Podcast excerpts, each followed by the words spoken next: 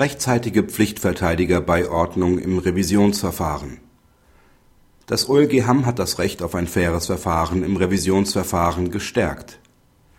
Der Angeklagte hat gegen das Berufungsurteil Revision eingelegt und zugleich die Beiordnung eines Pflichtverteidigers für das Revisionsverfahren beantragt. Die Revision wurde vom Landgericht wegen Versäumung der Revisionsbegründungsfrist verworfen, ohne dass zuvor über den Beiordnungsantrag entschieden worden war. Das OLG hat den Verwerfungsbeschluss nun aufgehoben. Aus dem Recht auf ein faires Verfahren folge die Verpflichtung, über einen Beiordnungsantrag so rechtzeitig zu entscheiden, dass der Angeklagte gegebenenfalls noch rechtzeitig innerhalb der Revisionsbegründungsfrist einen Verteidiger beauftragen kann. Kritik Die Entscheidung verdient Zustimmung. Es kann nicht angehen, dass dem Angeklagten durch Nichtbescheidung seines Beiordnungsantrags die Revision verbaut wird